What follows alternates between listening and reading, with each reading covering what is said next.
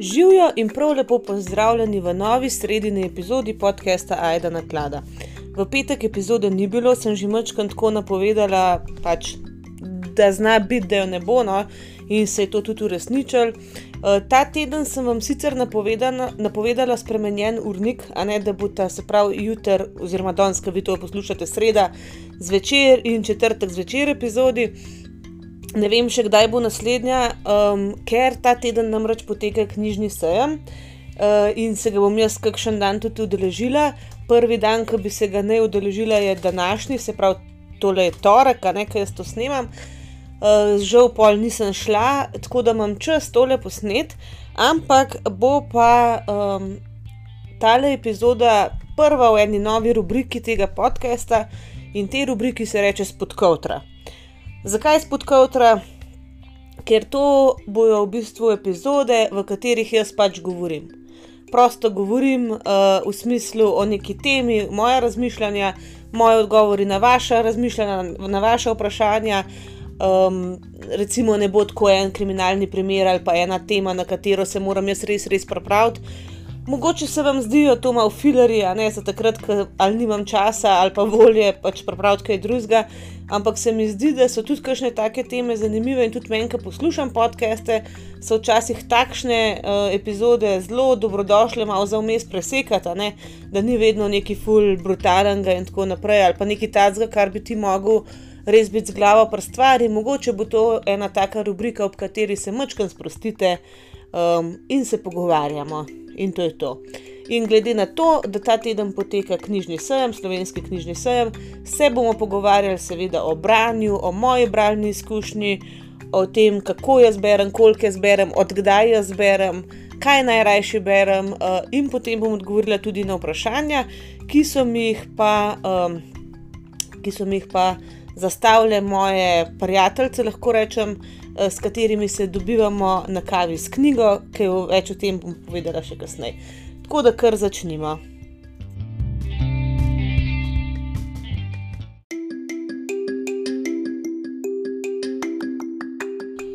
Branje. Uh, o tem bi mi lahko pisali cele knjige, uh, tudi so pisali knjige, recimo za tiste, ki bi radi en tak šnel kurs, ne, uh, zakaj je branje pomembno, kako brati in tako naprej. Vam priporočam, berem, da se poberem od Miha Kovača. To je v bistvu, bi rekla, kot ena seminarska naloga o branju v knjižni obliki, v najboljšem možnem smislu.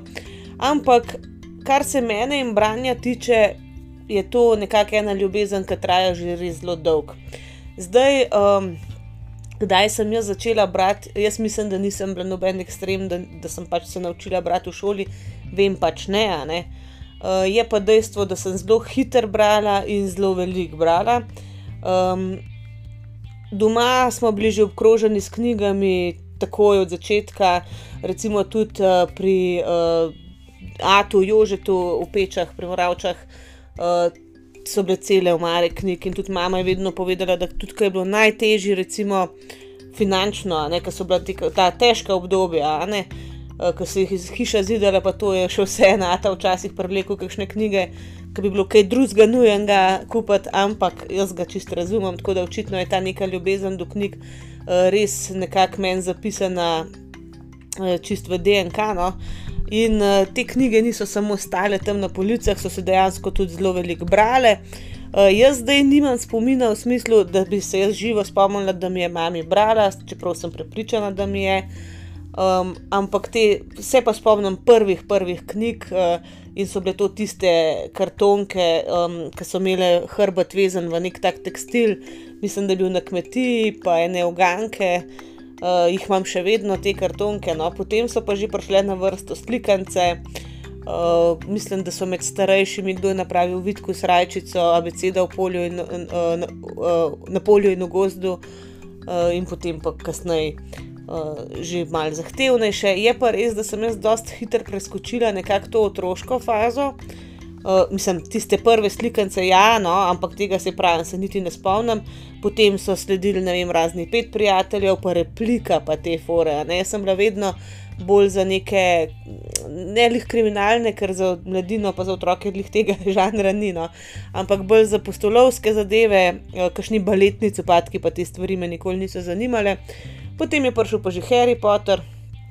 Um, ampak v, v mojih časih ne, smo še čakali uh, naslednje dele, da izidejo, tako da me je nekje po peti knjigi ta euforija Harry minila, ne, ker sem bila pol že najstnica. Ampak iz Harryja naprej sem šla pol že na odraslo literaturo, tam nekje po 12 letih, uh, res, res veliko sem hodila v knjižnico v Moravče, kjer mi je Katarina, Katja, uh, knjižničarka, ki še vedno tam knjižničarka. Um, pa je bila takrat zelo, zelo mlada, ker je še zdaj zelo mlada. Um, mislim, da je bila direkt iz faksa, je mogla biti. No. Ampak ona je res imela tak čut um, za me, kot za, kako bi rekel, razvijajočega se bralca, da se mi ni v smislu ne ustrašila. Ampak recimo včasih imamo mi predsodek, pride ne vem, ena punca, 12-letna in jo ti obravnavaš kot otroka, v resnici bi si pa ona želela že česa kompleksnejšega. In recimo Katarina je parmen to videla, prepoznala in mi znala tudi svetovati, uh, kaj naj berem, uh, že pol odraslo literaturo. Tako da, ja, pol sem šla že na Stephena Kinga, recimo, imenovali so jo Dvoje src. To so knjige, ki se jih iz takrat res dobro spomnim. No, se prebrala sem jih najbrž več, ampak da se res dobro spomnim, da so mi bile všeč, je bil Mače pokopališče, imenovali so jo Dvoje src pa dekle z bisernim ohanom, tako da kar raznolika nekakšna izbira. Ne? Ampak ja, meni se zdi, da je to res v poglavitni meri zaznamovalo nekako um, moj razvoj kot bralca.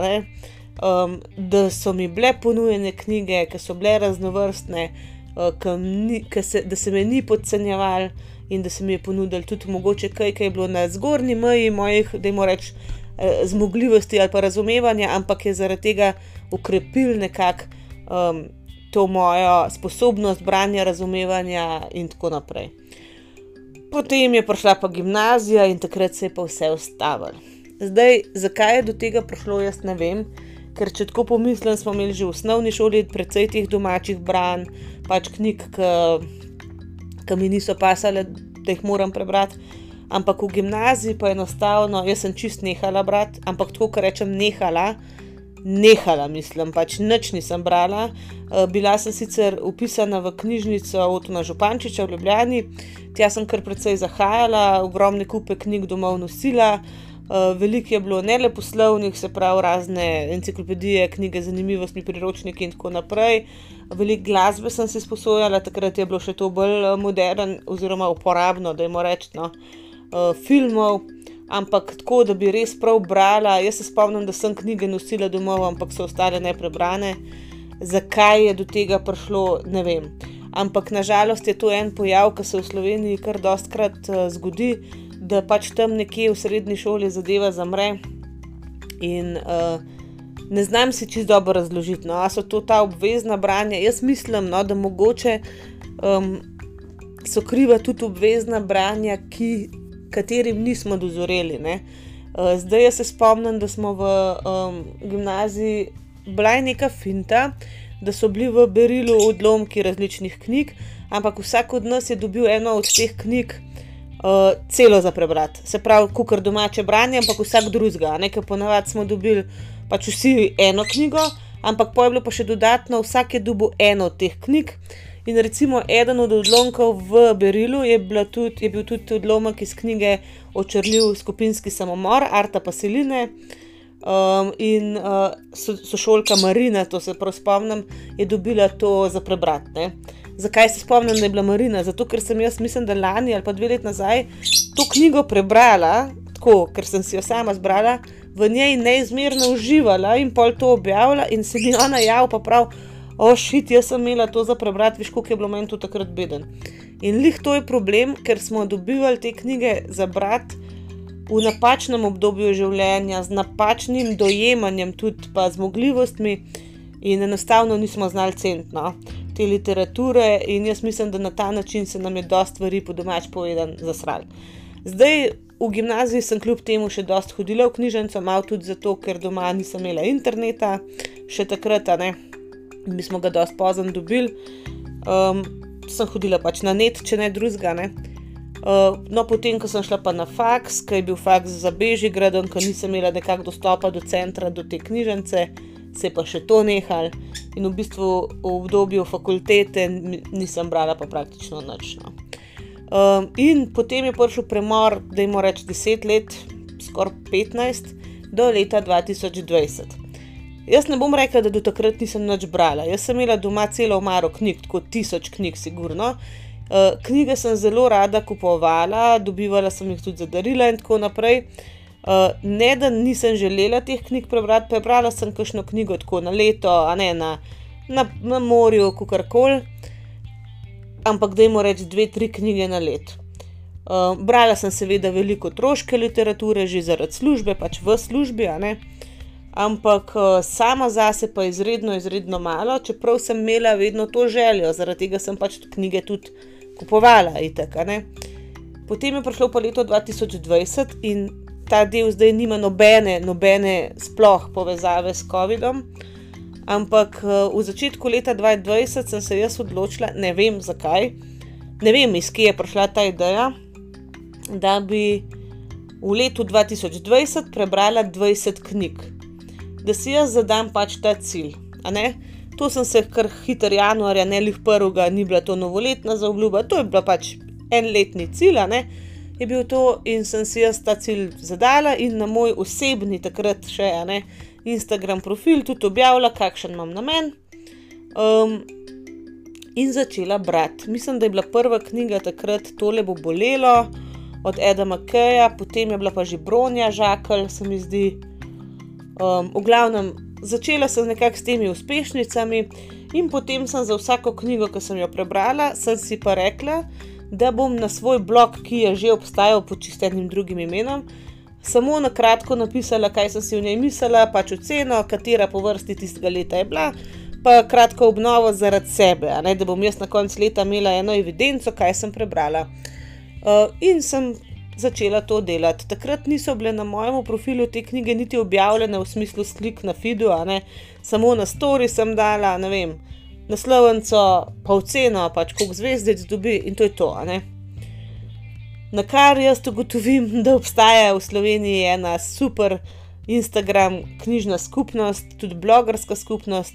Se začnem jaz malo povezovati, mačkam več objavljati, malo deliti te stvari se povežem z nekaterimi puncami, potem me je zgodaj poleti, mislim, da je bilo maja ali pa junija, uh, Urška, Buk knjiga povabila na prireditev ob uh, takrat predstavitvi knjige Meseca, knjižne škatle. In tam sem se pol spoznala še z nekaterimi drugimi dekleti, in tako se je zadeva v bistvu razvila, začela. Uh, in jaz mislim, da sem prišla že v prvem letu, zdaj jaz teh številk ne vem, ker jih tukaj ne spremljam, ampak zdaj le smo v bistvu novembra 2022, se pravi, da jim rečem, marca, marca sem res začela, da sem se preimenovala tudi tu Aida, naklada in tako naprej. Um, marca 2020, se pravi, recimo, da jim rečem, dve leti pa pol. V dveh letih pa pol sem iz nekako 500 svojih sledilcev, teh osnovnih, ki sem jih imela na osebnem profilu, prišla na 4500 sledilcev uh, na profilu Aida Naklada. Uh, kaj vse se je pa vmes zgodilo, vam pa ne morem povedati, ker je bilo to res veliko stvari. Uh, res en kup enih projektov sem se lotila, imeli smo Harry Potter maraton, imeli smo uh, prvo leto, smo imeli decembrski projekt Knjigo Slastice, uh, ki sem ga potem opustila, ne, ker je decembra res že toliko stvari in ga uh, nekako preoblikovala v Booktober, ki je bil letos že drugič in res uh, krasno, krasen odziv je bil. No. Uh, Potem nekaj časa je deloval uh, knjižni klub, online knjižni klub, nakladajmo Zajdo. To smo pustili, ker, um, ker je meni ni bilo veselje, jaz nisem imela s tem vesela in se je to tudi videlo, jaz mislim. In tako knjižnih klubov je dovolj, tako da ni problema, če mojega ni. Uh, potem zdaj letos je potekala ABC Bralnica, um, se pravi prebrati, prebrati knjige, uh, katerih naslovi se začnejo na vseh 25 črk slovenske abecede, potem v šolskem letu, nekako um, 2022-2023, uh, poteka nakladalna značka, to je bralna značka na treh nivojih za otroke, mladostnike in uh, odrasle. Um, potem, kaj še imamo, željamke, ne, to so ne bom te zgodbe še enkrat razlagala, ampak to je v bistvu pošiljanje božičnih oziroma novoletnih voščil, poleti poteka poletje v pismih, kjer se v bistvu spodbuja pisanje z roko, pri obeh dveh teh projektih, potem, a sem še kaj pozabila. Knjižni božiček že tretjič poteka, letos trenutno je v obtoku tisoč knjig, prijavljenih pa blizu štiristo ljudi, no, tako da to so res ogromne številke, kar se mi zdi, no. Potekal je tudi knjižni perh letos prvič, se pravi ta nekako velikonočna izmenjevalnica ali kakorkoli bi se temu reklo. enih sodelovanj z drugimi blogerji, knjigogram, turnej, sodelovanja z, založbami, v glavnem v dveh letih pa pol se je v bistvu moje življenje čisto spremenilo, ne zdaj čisto spremenilo, ampak čisto z drugimi stvarmi sem se začela ukvarjati in tako nikoli si nisem mislila, da se bom s temi stvarmi ukvarjala na takšnem nivoju. tako veliko, dajmo reči, no, ne bomo zdaj o nekih nivojih govorili, ker se sliši, da koliko sem dobra, ne dobra, ampak koliko časa in energije vlagam v to, ne, jaz si to dve leti pa pol nazaj ne bi nikdar mislila, no. In koliko mi tudi, ta zadeva neke energije daje nazaj, no. Tako da ja, zelo zanimiva pot je za mano v teh dveh letih pa pol, res zanimive ljudi sem spoznala, od avtorjev do drugih bralcev in bralk do ustvarjalcev, pač od ilustratorjev in tako naprej do založnikov, v glavnem res, res, res sem vesela, da sem šla na to pot, ke mi je res že do zdaj veliko dala in samo ugibamo lahko, kam vse bo še šlo. Mogoče še omenim, da sem v tem času, ne sodelovala na Ljubljana TV, dvakrat na Radiu Slovenija ena, v oddaji Sedma stran, potem na Valu dvesto dva, a ne, to so vse stvari, ke jih je prinesel blog oziroma moj Instagram profil in tudi vi, ke najbrž tole poslušate, tudi poslušalci mojega podcasta, čeprav imamo čisto druge teme po ne, morate vedeti, da začelo se je vse s knjigami, čeprav smo šli zdaj v true crime, ampak začelo se je s knjigami in tudi moja true crime obsesija se je začela s knjigami, kako in kaj, bomo kasneje izvedeli, no. ker zdaj grem pa na vprašanja, ke mi jih moje punce postavljajo, in tudi prek teh vprašanj, bom jaz odgovorila še na marsikaj, kar zdajle nisem. Zdaj, če bojo kakšne te stvari med sabo se malo povezovale ali pa ne bojo kronološko v vrstnem redu, nič hudega, ne, saj pravim, Spodkovtra je ena taka, rubrika, v kateri bomo malo bolj sproščeni, ke ne bo toliko veze forma, ke ne bomo imeli toliko veze vrstni red, tukaj se pogovarjamo, tako da evo, povabljeni k nadaljnjemu pogovoru.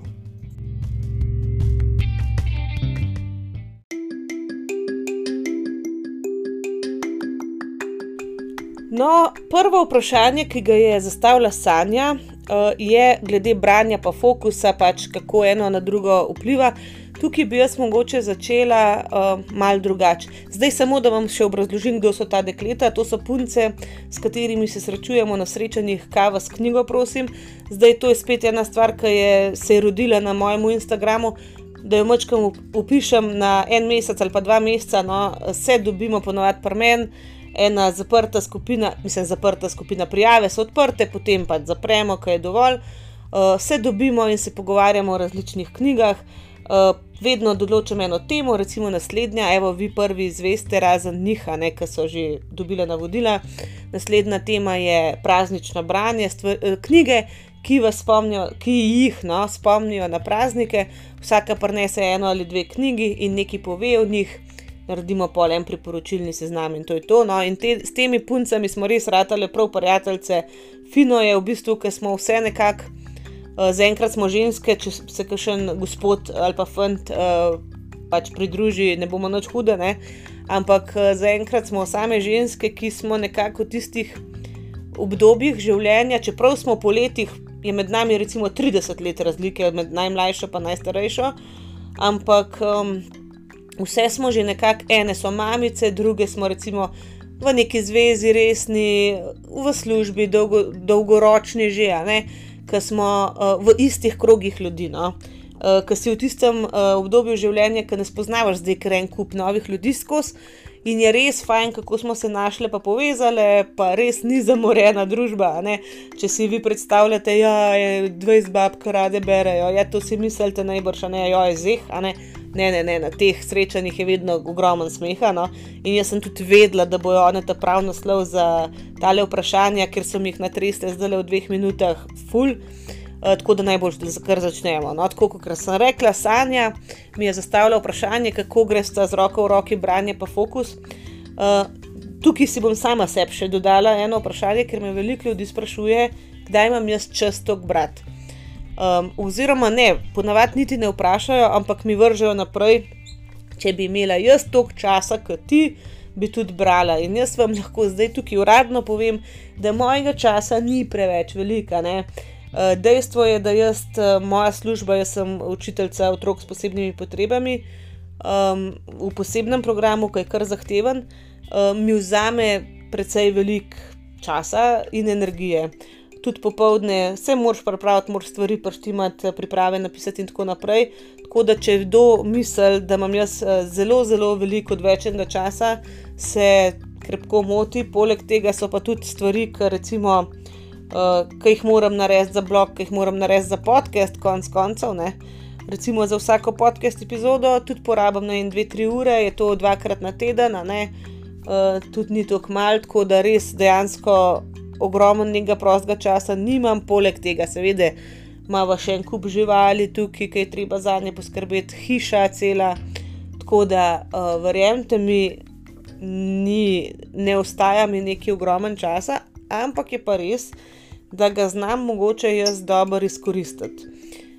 Tukaj moram jaz najprej povdariti, da jaz osebno sem, jaz mislim, zdaj je modern imeti ADHD, zdaj je modern imeti uh, to reči, da jaz sem pa ADHD ali pa kar koli, ampak dejstvo je, da jaz imam razpršeno pozornost, da ne vem, ali je ADD ali ADHD, ne bomo se diagnosticirali, ker meni osebno to nič ne pomaga ali pa ne pomeni niti, ampak razpršeno pozornost zagotovo imam. Tudi, ko berem zdaj kot eh, specialna pedagoginja svoje poročila iz osnovne šole, iz prvih razredov, ko so bile upisne ocene, je jasno, ne, da sem imela uh, ne težave, ker meni te stvari niso povzročale težav, ampak sem imela zelo različne pristope od drugih otrok, ne čist drugačne pristope od drugih otrok in do likovne vzgoje in do učenja samega. In se mi zdi, da se je to potegnilo nekako tudi v odraslo dobo, in jaz lahko res veliko stvari naenkrat delam, in tudi, recimo, kar se branja tiče, jaz lahko to berem, recimo, če zraven laufa televizija.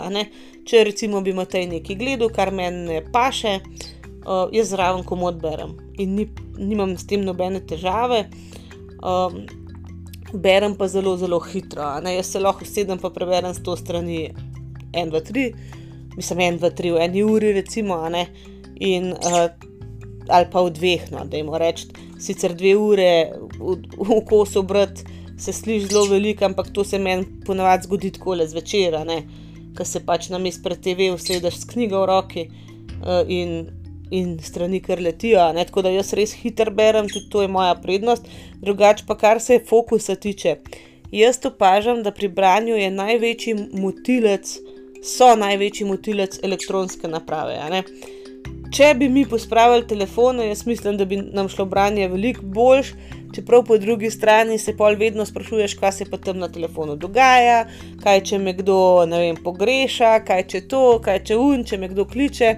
Tako da jaz vidim, no, da dejansko telefon je full motilec, uh, jaz ga imam že, jaz mislim, vsaj pet let vse čas na potih. Pač nimam nobenih uh, obvestil, vklopljenih zvonjenja in nič, razen budilko zjutraj ker, ker me je enostavno preveč pol zmot pri vsem.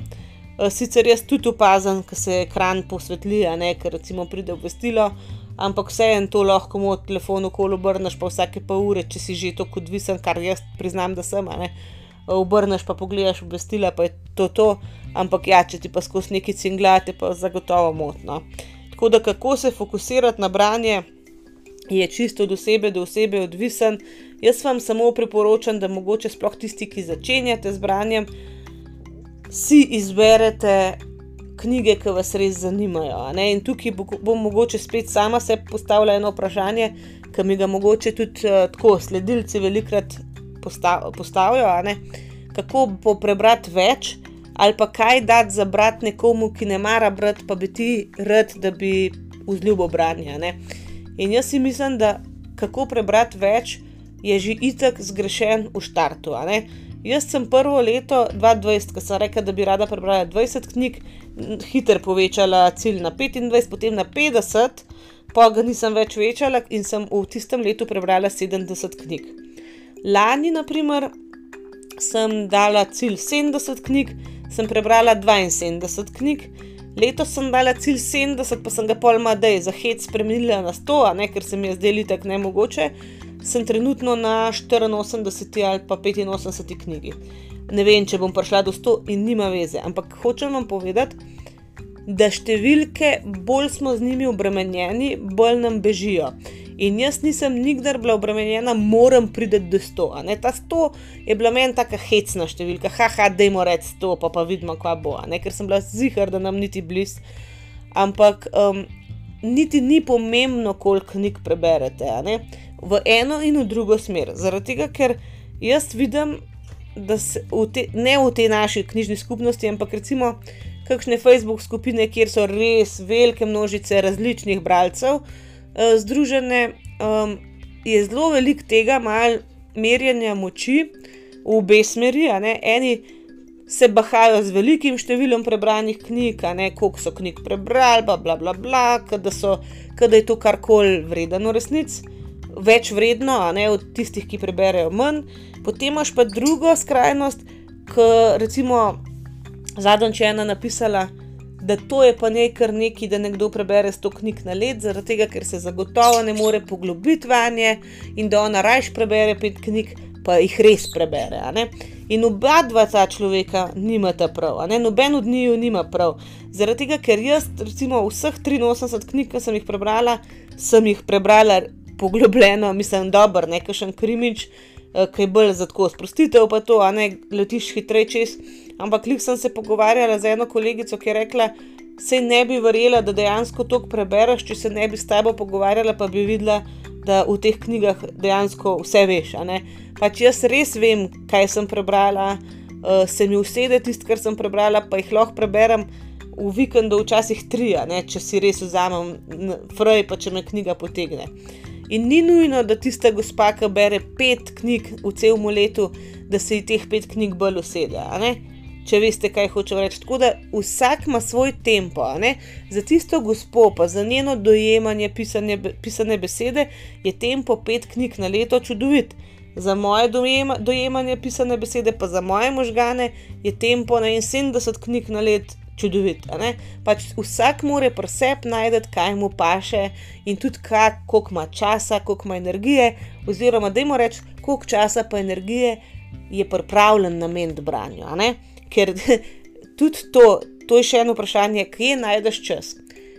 Čas vedno je, ne? čas vedno je, je, mislim, je obdobje, recimo, kot jaz, zdaj nimam časa posneti. Seveda bi imela čas posnet, zakaj pa ne, pač ustala bi po koncu, na mestu, da do desetih TV gledam, bi snimala podcast. Ampak dejstvo je, da recimo jaz ne bom šla snemati podcasta z materna ob 8 zvečer, ker bo podcast slab in jaz bom zoprna, ker se mi ne da snemati, eh, ne bom dobro se pripravila, ne bom dobro posnela in bo epizoda slaba. Zakaj bi vam jaz servirala eno zoprno, slabo epizodo, če pač boste počakali en teden ali pa tri dni, pa dobite dobro epizodo. To je pač moja, moja nekakšna filozofija za vsem tem. Ampak tukaj ni bil problem čas, ne? tukaj je problem. Da jaz nisem bila pripravljena tistega časa nameniti temu, in enako je z branjem. Velikrat, recimo, se mi javkaš na mamica, zdaj je tega fulmen, ker so se ti ljudje že kar malo odstranili, ker nimajo kaj pač početi na takem profilu, če ne berejo.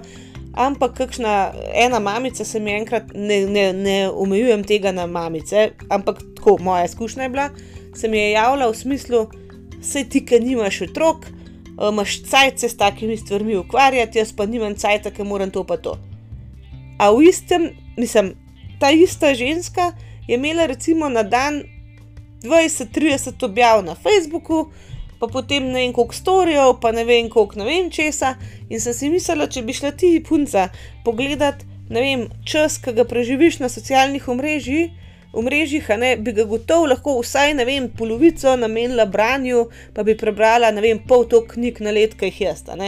ampak prioritete so problema. Ne? Mi smo res sužni za slona vrata um, in zvečer, naprimer, je valjda lažje scrollati po vem, Instagramu, po TikToku, po čemkoli, kot pa vzeti knjigo in se res mentalno pripraviti do tega, da razmišljamo, da beremo in tako naprej. In uh, tako da, ja, vprašanje časa, pa tudi vem, jaz razumem, da je lažje telefon scrollati vmes, ker še ti nekaj drugega delaš, ker brat pa še nekaj delati je skoraj nemogoče, razen če beremo oziroma poslušamo zvočne knjige. Sam pač, ja, ne, velikrat je problem prioritete. A se boš odločil, pa odložil telefon zvečer za tisto eno uro, ga pospravil in na mestu tega vzel knjigo, ali pa pač ne. Ampak, če se boš ti mogel prisiliti, da boš vzel knjigo, je že tukaj stvar v štartu zgrešena. No, zaradi tega pa jaz mi rečem, ne, ne si reči več brati v smislu več kvantitativno, ne, se pravi več knjig. Ampak kvalitetno branje, se pravi, nekaj si izber, kar ti paše, kar te veseli in tisti preber. Pa če so to tri knjige na let, so pa tri knjige na let. In enako velja pol tudi na svet za tiste, ki ne marajo brati, kaj jim dati brati, da jim nekaj, kar jih zanima. Se pravi, ne vi posiljevati recimo enih mladih z neko težko literaturo, samo zato, da bo kvalitetna, ker morajo kvalitetno brati. Seveda, ne dolgoročno nam veliko pomeni, da mladina tudi kaj kvalitetnejšega prebere, kot pa ne vem, neke TikTok senzacije, ki si ne zaslužijo nekega hajpa, ne vse, ne, ampak mnoge. Ampak recimo, če nekoga zanima ne en kolesarjenje, pa mu dob, ne vem, eno biografijo kolesarja, pa naj to prebere, če ga bo to mogoče potegnil, da bo kdaj večkrat pol knjigo v roke vzel. No. Eh, enako je recimo pri otrokih, pa pri stripih. Jaz, jaz nažalost še vedno velikrat slišim, da so knjižničari, pa ne zdaj spet ne posplošujem, ampak ene parkrat sem že dubla konkreten odziv sledilca, da je recimo otrok si želel v knjižnici sposoditi strip. Eh, pa mu knjižničarka odsvetovala to, ali pa da je resnejšega, kaj boljšega bere. Ne? Če je otroku všeč strip, naj bere strip, slej ko prej bo šel iz stripa še na kaj drugega. No? Jaz imam učenca, pa dobro, moj učenci, tak, če kdo bere, si samo vesel, ki je dva meseca bral vsak dan hudo ajdo. Ampak pol je šel pa na druge stvari, pa na te krajše romančke, a ne pač res, dajte pustiti tisto, kar rad bere pa potem mogoče, ki bo res vzljubo branje kot tako, ne, ponudite nekaj drugega. No, pa gremo zdaj kar naprej na vprašanja. Zdaj Barbara sprašuje, eh, izposojevalka besed, kako se eh, je izkušnja branja spremenjala iz osnovne šole v srednjo, pa zdaj v odrasli dobi. To sem že nekako odgovorila. No. Eh, zdaj jaz res mislim, da ta srednja šola, pa faks je branje res postalo ena muka, ena obveznost. Ker recimo prej je bila tako kot zdaj, je bil to en pobeg, pa en, en hobi, en, en užitek, vmes pa jaz ne vem, kaj se je zgodilo, sploh ne upam več špekulirati. In zdaj na to se navezuje naslednje vprašanje, ki ga je pa Sanja, bralka Sanjalka, uh, postavlja sicer branje kot pobeg iz sveta, ampak hkrati tudi spoznavanje sveta, kaj mislim o tem.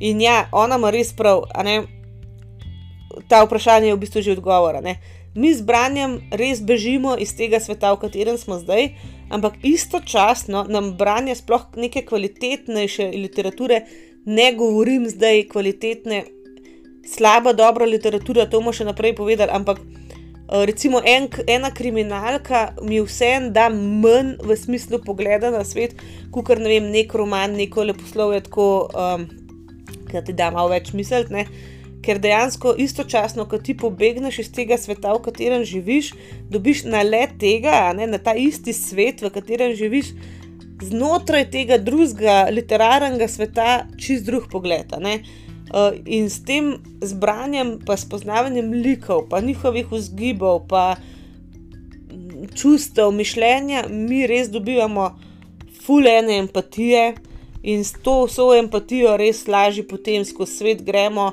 se uživimo v drugem, se to je uživanje v druge ljudi, ne je empatija, ampak mi se ne znamo predstavljati, koliko je to pomembno, dokler ne vidiš človeka, ki tega nima. Zdaj jaz recimo, ki delam tudi uh, z osebami z avtizmom, ki nekateri nimajo pač te empatije. Um, to ni samo to, da si ti sočuten v smislu, ko se nekomu nekaj zgodi ali pa kaj, to še ogromen. Um, drugih stvari za sabo potegne, ki tem ljudem res otežuje življenje, ampak nažalost, recimo, oni si ne morejo pomagati.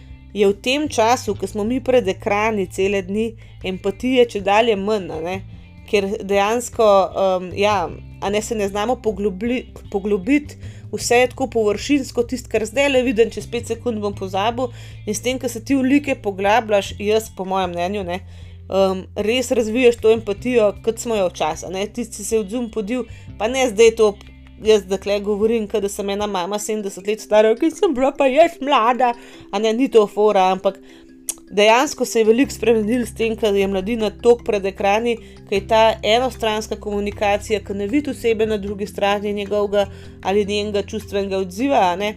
In recimo z branjem res krepimo ta pogled v druge ljudi, ki se v te like uživimo. Tako da jaz mislim, da je z tega vidika izjemno, izjemno pomembno. No? Um, in uh, potem, no, dobro. Uh, Lihko sem rekel, da ni slabe, pa dobre literature. Um, Barbara spet sprašuje, zakaj imamo predsotke do nekaterih žanrov. No? In tukaj bi pa jaz tako rekla, jaz sem totalno proti nekemu žanrskemu snobizmu. Ne? Um, jaz ne berem romanc. Ne berem jih pa zato, ker meni ta žanr ne paše, ker mi nič ne da. A ne, recimo to, da so romance klišejske, seveda drži, ampak enako drži za kriminalke, pa jih uživam v branju njih. Pač vsak žanr ima neke klišeje, ne? tako kot v romanci je nek zaplet, pa potem ste skupaj, pa je happy end. Tako je ponavadi, ne vem, v kriminalki zelo velikokrat gre na podoben, uh, po podobnem receptu zadeva teče. In uh, klišeji meni niso niti nekaj groznega. Uh, žanrska literatura je, po mojem mnenju, tako ali tako literatura, ki je namenjena sprostitvi. Ampak, um, ja, uh, meni pač romance ne pašajo in jaz imam čisto spoštovanje do ljudi, ki jih berejo, samo pač jaz jih ne berem. In tudi te ljudje, ki berejo romance, vejo, da pri meni nimajo kaj najdete pre, predlogov romanc in tako naprej. Eh, pa ni to nič hudega, pač ne berem jih. Ne? Ampak eh, ogromno je pa tega snobizma, še vedno pa teh predsotkov do žanrov. In jaz mislim pa, da se to zgodi predvsem s tem, ko se določeni žanri masovno printajo in pišejo, seveda, ne? zato ker se prodajajo in se ne gleda več na kvaliteto. Pač to se je zgodilo s temi škoti raznimi. To je recimo en žanr, oziroma kar tema, do katere pa imam jaz predsodek, ne zaradi tega, ker bi mislila, da je to grozno slabo, vse, ker vem, da tujka, recimo, tako je bila ena med prvimi, kaj je Diana, neki na G. Um, je ful, do, ful dobra knjiga. Ampak potem je nastal teh škotov, recimo, jaz pejte na kjerkoli našo um, knjigarno, je gotov škot ta, škot ta, ta višavec, me je to, un vojvoda, a ne zdaj teh zgodovinskih romanc ki niso zagotovo vse slabe, ampak če pa ena avtorica napiše teh romanc pet na leto, pa pač dobro ne morejo biti. Ne? In to je, se mi zdi, enak pojav, kot je bilo po Twilightu, a ne po Somraku, en kup vampirskih zadev, ki niso bile vse dobre. Pol recimo po 50 odtenkov siva je bila en kup erotike, ki ni bila vsa dobra, in tako je pač zdaj, recimo, z nekimi škoti. In jaz mislim, da je ene zadeve preveč, ker rata masovna masa ni nikoli predobra. No? Uh, s tem, da si pravim, tu je pol predsodek, ki je ali pa ni upravičen, ampak jaz mislim, da je dost, dost velika, velik um, vzrok to. No? Pa še nekaj, jaz mislim, vedno, ko imaš predsodek do enega žanra, ti poišči nekoga, ki ta žanr ima rad. In mu reči, zdaj mi pa ti nekaj svetuj, kar je res dobro, ker te ljudje to vejo. Če bi jaz se hotela, da le škote spraviti, brat, ne, bi jaz, ne vem, rajši vprašala, ne vem, Matejo ali kako koli. Um, in um, bi mi ona povedala, kaj je dobrega, ker če bom jaz prve škote z police vzela, ne, je zelo velika verjetnost, da bo en klump in mi bo zadevo zagravžal. E, to je tako kot z glasbo. Če bi jaz začela heavy metal, da le z nule poslušati, ne upišem v Spotify heavy metal, pa prvi komat pržgem in mi bo všeč enega, ki pač pozna to glasbo, vprašam, mi pove nekaj dobrega, nekaj začetnika, ne? in poslušam njegov nasvet. Zato so tudi knjižni blogerji super, ker za vsakega veste, kaj so njegovi priljubljeni žanri in tako naprej. In na ta način bi se mogli te predsotke nekako ukinjati, na silo pa ne gre. Če tep ne paše, ti ne paše, če nisi za krimi, če nisi, če nisi za škote ali pa za romance, pač nisi in se ne silaš, ampak ne udrihaj pa po stvarih, ki jih ne poznaš. Ne? Zato jaz velikrat probam kaj. Um, Tudi kaj, kar mi ni všeč, zato da vsaj vemo, o čem govorim. No? Ker na pamet neki pluvati, pa govoriti, pa res ni lepo. No?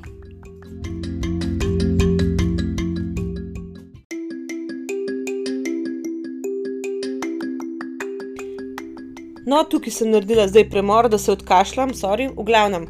Uh, nadaljujemo z vprašanjem branja, ki ni vedno užitek, pa vseeno bereš, zakaj to počnemo. Um, in potem mogoče bi klekar združila, je Barbara napisala, če je boljš brati karkoli, kot pa sploh ne.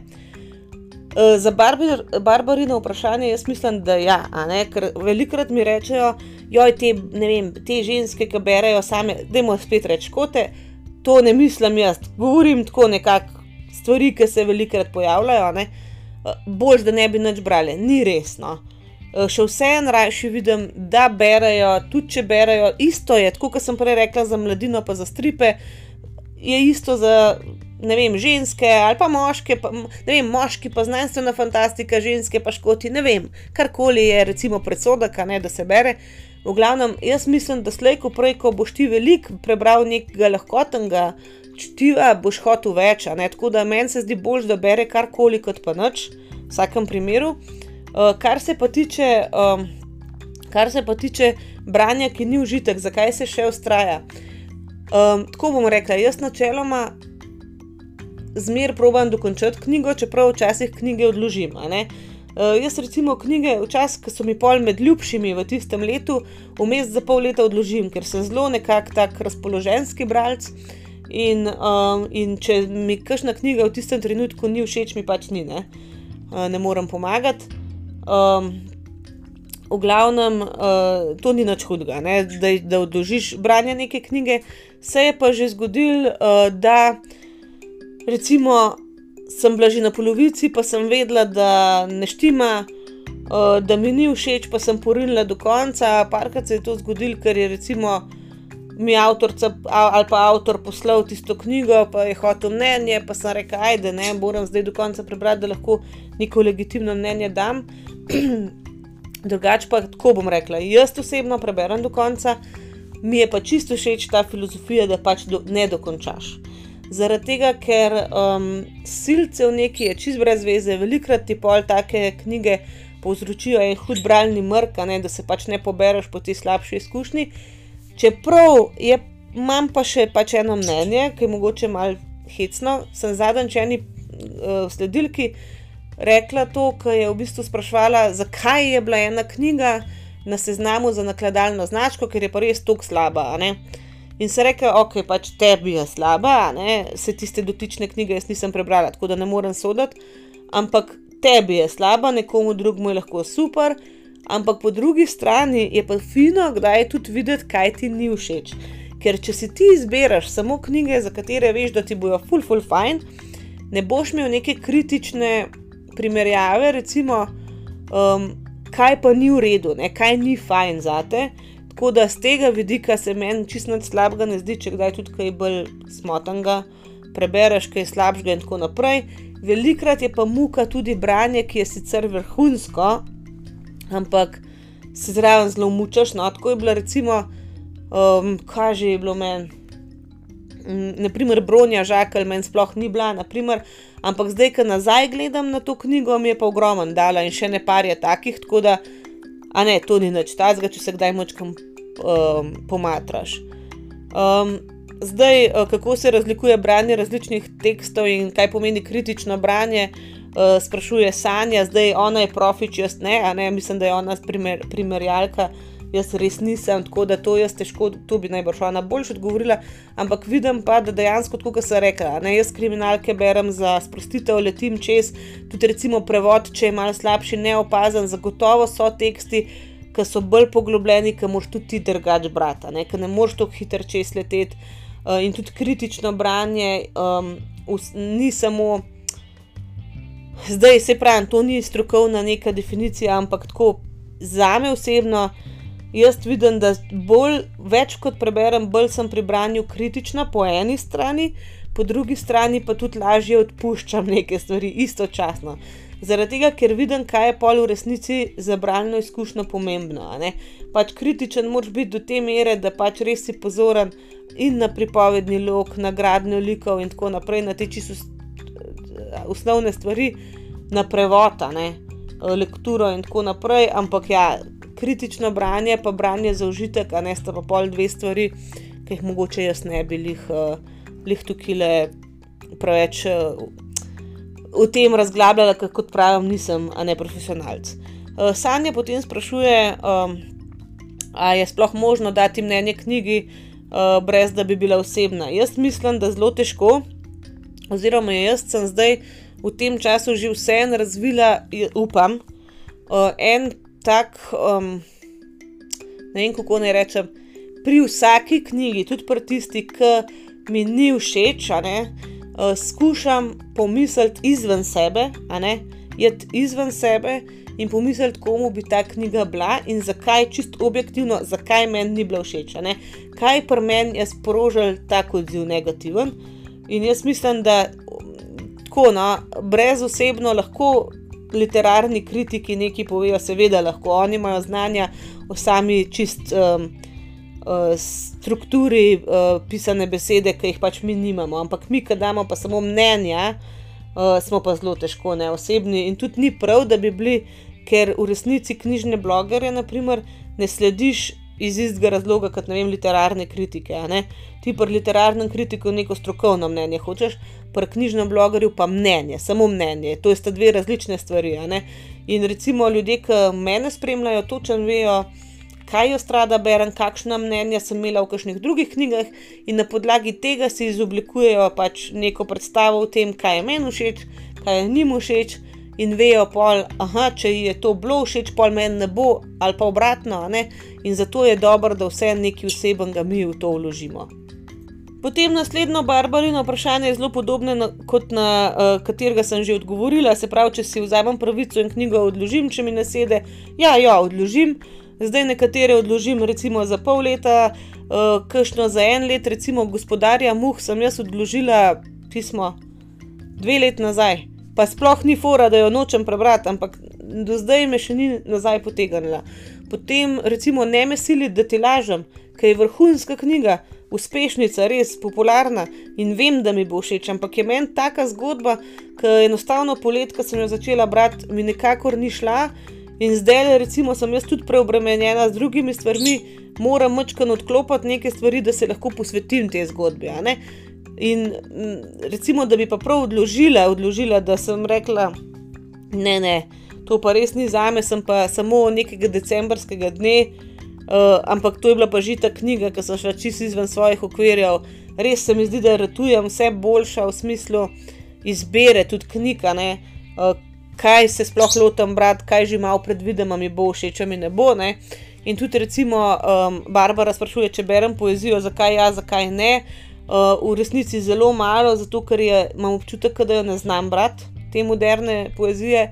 Jaz, recimo, imam zelo rada te čist klasične, ne vem, kete, ja, pa tako, ne, jaz sem čist old school in um, zelo cenim poezijo v resnici, ampak mogoče rabim lih nekoga kot je Barbara, uh, izposojevalka besed, če koga zanima, ona ima res rada poezijo, obvlada te zadeve, a ne da ti nekdo pač svetuje, da je tole za začetnika, da je tole probi. No? Tako da s poezijo se res nažalost čist premalo poznam. Zdaj um, Sanja sprašuje, koliko knjig je dosti knjig, če obstaja meja, ne, ni, nikoli ni dosti knjig. Uh, dokler imaš prostor za knjige, jih kar kupuj, ker knjige se da tudi prodati, konc koncev, ne zdaj to je mogoče malo bogokletno, ampak knjige so res stvar, ki lahko krožijo, uh, veliko lažje kot kaj drugega, mogoče tako da vi kar, kar kupičte. Um, kakšna je razlika um, med bookstagramerjem in knjižnim blogerjem, sprašuje Mateja. Tako bom rekla, jaz mislim, da je razlika. Pred, mislim, zelo enostavna, zdaj ima to prav, da se je kar dobro razgovorila na to vprašanje, ampak Uh, knjižni bloger ima pač tudi blog, se malo del razpiše, čeprav jaz konkretno sem začela opažati, da je tako malo obiska na spletni strani, ker se ljudem ne da tja, ne? Da zdaj že v bistvu celo recenzijo napišem pod to objavo na Instagramu. Uh, jaz mislim, da mogoče bookstagramari v prvotnem smislu so bili bolj tisti, recimo, če tuje pogledamo, domačih ni toliko takih, ne?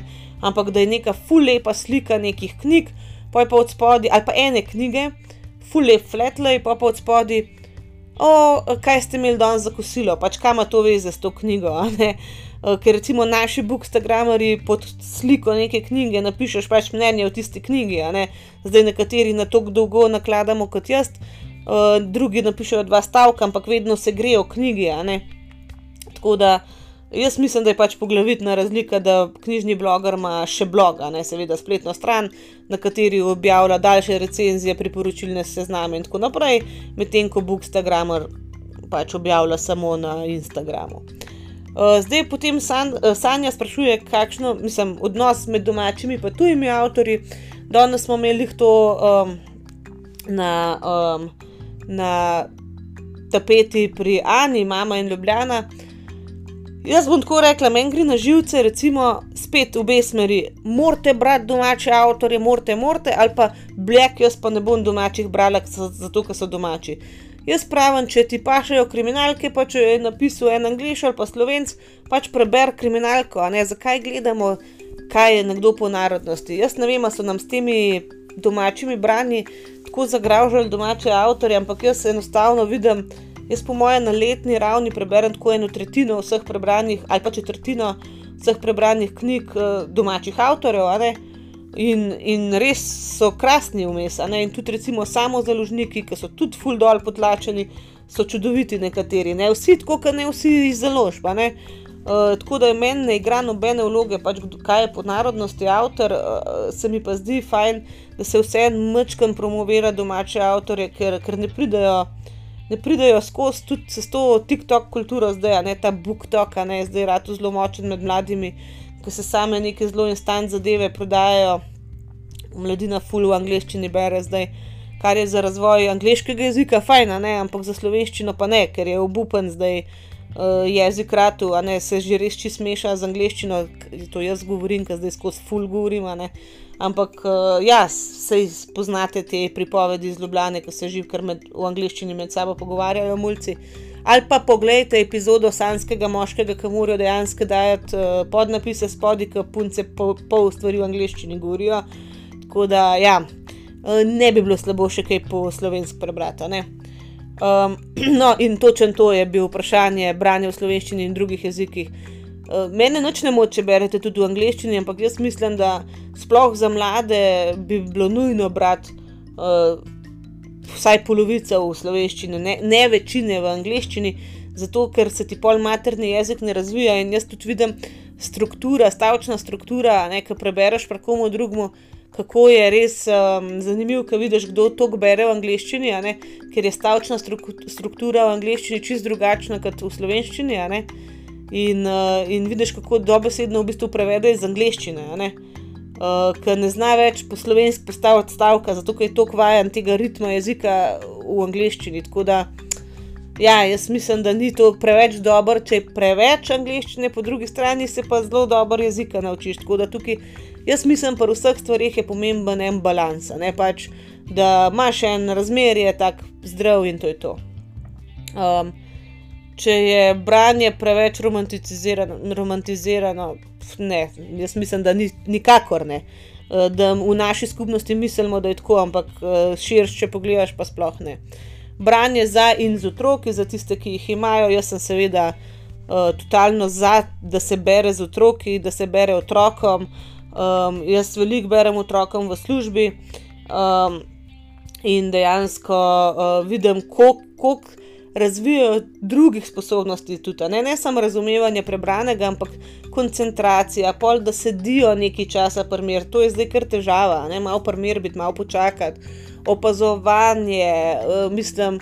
Res pozornost, ni da ni kaj vse razvijaš, s tem, kar se je treba otroku brati, ker recimo nima sto tisoč enih drugih državljanov, ker si samo ti, tvoj glas, pa knjiga. In tudi potem, ko otrok sam bere, je strašno koristno, da mu rečeš, recimo, da je boš pa ti meni prebral, moja sodelavka TD-ja živijo, če poslušaš. Recimo, jaz s sinom Harryja Potterja tako vse prebra prebrala, da je ona, en poglavje pa on, mislim, to je res super. Pa tudi za ta bonding, ne, ta povezava s, med staršem in otrokom, tudi med pedagogom in otrokom je to super. No. Uh, kaj s knjigami, ki nam ne sedajo, ampak vseeno sedijo na naših policah? Kot sem rekla, knjige se da super rabljene prodati in jaz sem čist za to, naj se krož, uh, naj krožijo, ne po enih razumnih cenah, seveda. Uh, zakaj bi nek prah lovile, drugače pa knjigobežnice, če hočete podariti, potem razne izmenjevalnice, kot je recimo um, um, uh, knjižni božiček, potem od Patricije na valovih vrstic izmenjevalnice, ve, velike tega. No, v šole, v vrtce, otroške knjige neste, uh, dom upokojencev pokličite, pa vprašajte, če rabijo, v zapor, recimo, a ne. Mislim, ogromen, ogromen materinski domovi, res se da podariti knjige, če ti stojijo na policiji, antikvariati, ni da nikam, vse se jih da dati. Uh, fotel, a je ja, a, ja a ne, ni treba, ni treba, jaz vedno berem v pojstli. Uh, joj, evo, zdaj me punce že malo hecajo, če lahko berem med hojo, pa če bereš v avtu, pa bla bla bla. Um, no, dajte me nekaj hecati. Uh, v glavnem, kdaj največ berem del dneva, poletni čas. V poletnem času ni jih uh, fulj razlike, seveda poleti malo več berem, ker sem pač doma, nekaj manj dopust, uh, drugače pa um, odvisen od razpoloženja. Recimo lani sem avgusta samo dve knjige prebrala. Um, kar se dela dneva tiče, um, seveda zvečer, drugače pa tudi zdaj, velikrat zjutraj, ker jaz v petih ustanem, tako kot Matej, ali pa pol šestih, pa ne rabim je tudi doma do ne vem, pol sedmih.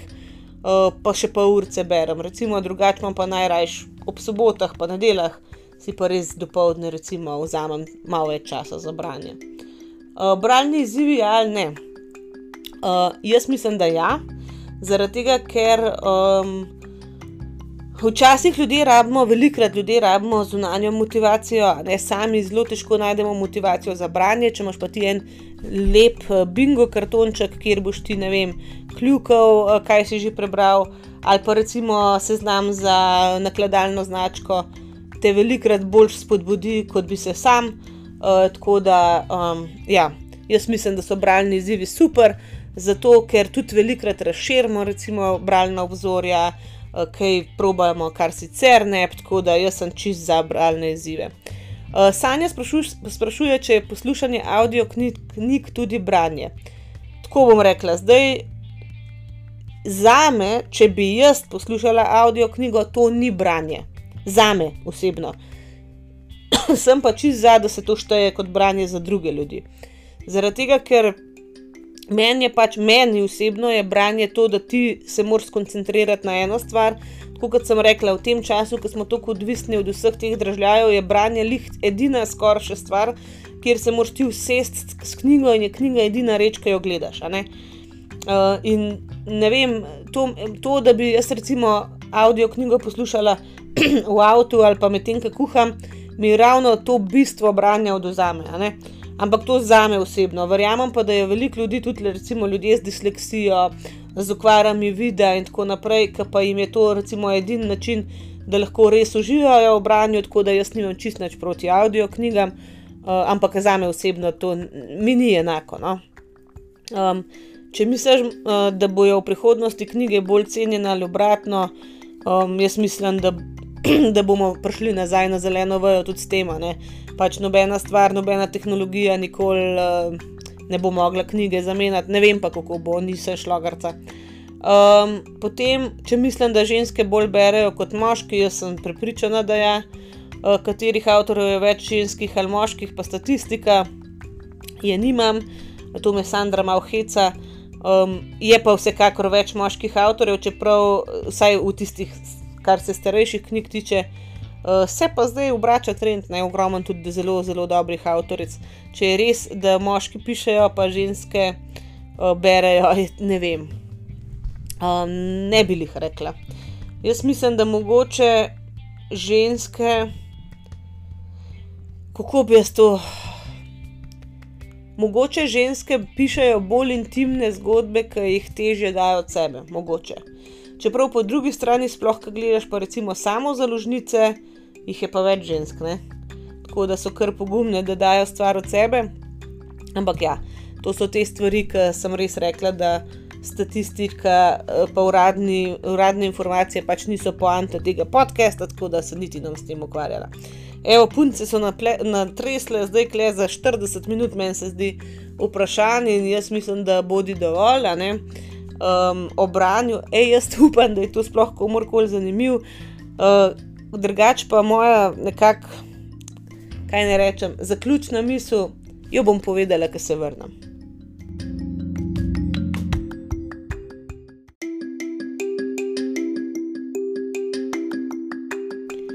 Takole, ta teden poteka knjižni sejem, kot sem rekla. Pojdite tja, ni treba vam ne vem kaj kupiti, tudi kupite, ker je treba pač nekako ta založniški trg naš uh, podpreti, ker uh, ja, zadeva ni lih rožnata najbrž, ne knjige še zdaleč niso taka vrednota, kot bi morale biti. Ampak pojdite tudi malo pogledati, kaj vse je na tržišču, ker verjemite mi, za vsakega od vas se nekaj najde. In tudi, ko sem rekla, true crime, pa to, jaz sem se s true crime v resnici srečala prek knjig najprej, ne prek dokumentarcev. Eh, ne vem, kako mi je pod roke prišla serijski morilec od Karmen Šterk, knjiga, ki je v resnici strokovna literatura na to temo, ampak tisti je mene toliko potegnil, da sem pa začela še bolj in še bolj in še bolj raziskovati, in zdaj smo kleka smo. Tako da res, eh, če vas nekaj zanima, kupite, ker si gur, mislim, kupite, najte knjigo, ker si guren obstaja. Ne, Matej zdaj le bere prvobitnost, uh, ki je v bistvu knjiga o zgodovini računalniških iger, nekaj meni tako nišno, ampak njemu je pa fajn. In berite tisto, kar je, vam je fajn, tudi če je strokovna, mislim, pač uh, literatura, ne, če ni lepo slovje. Berite, berite in boste prišli še potem kam naprej. Tako kot sem že prej rekla, ni važno, kaj berete, sam da berete, ker slejko prej boste hoteli še več, pa še več, pa še več, in pol se nekako neka literarna obzorja s tem odkrivajo.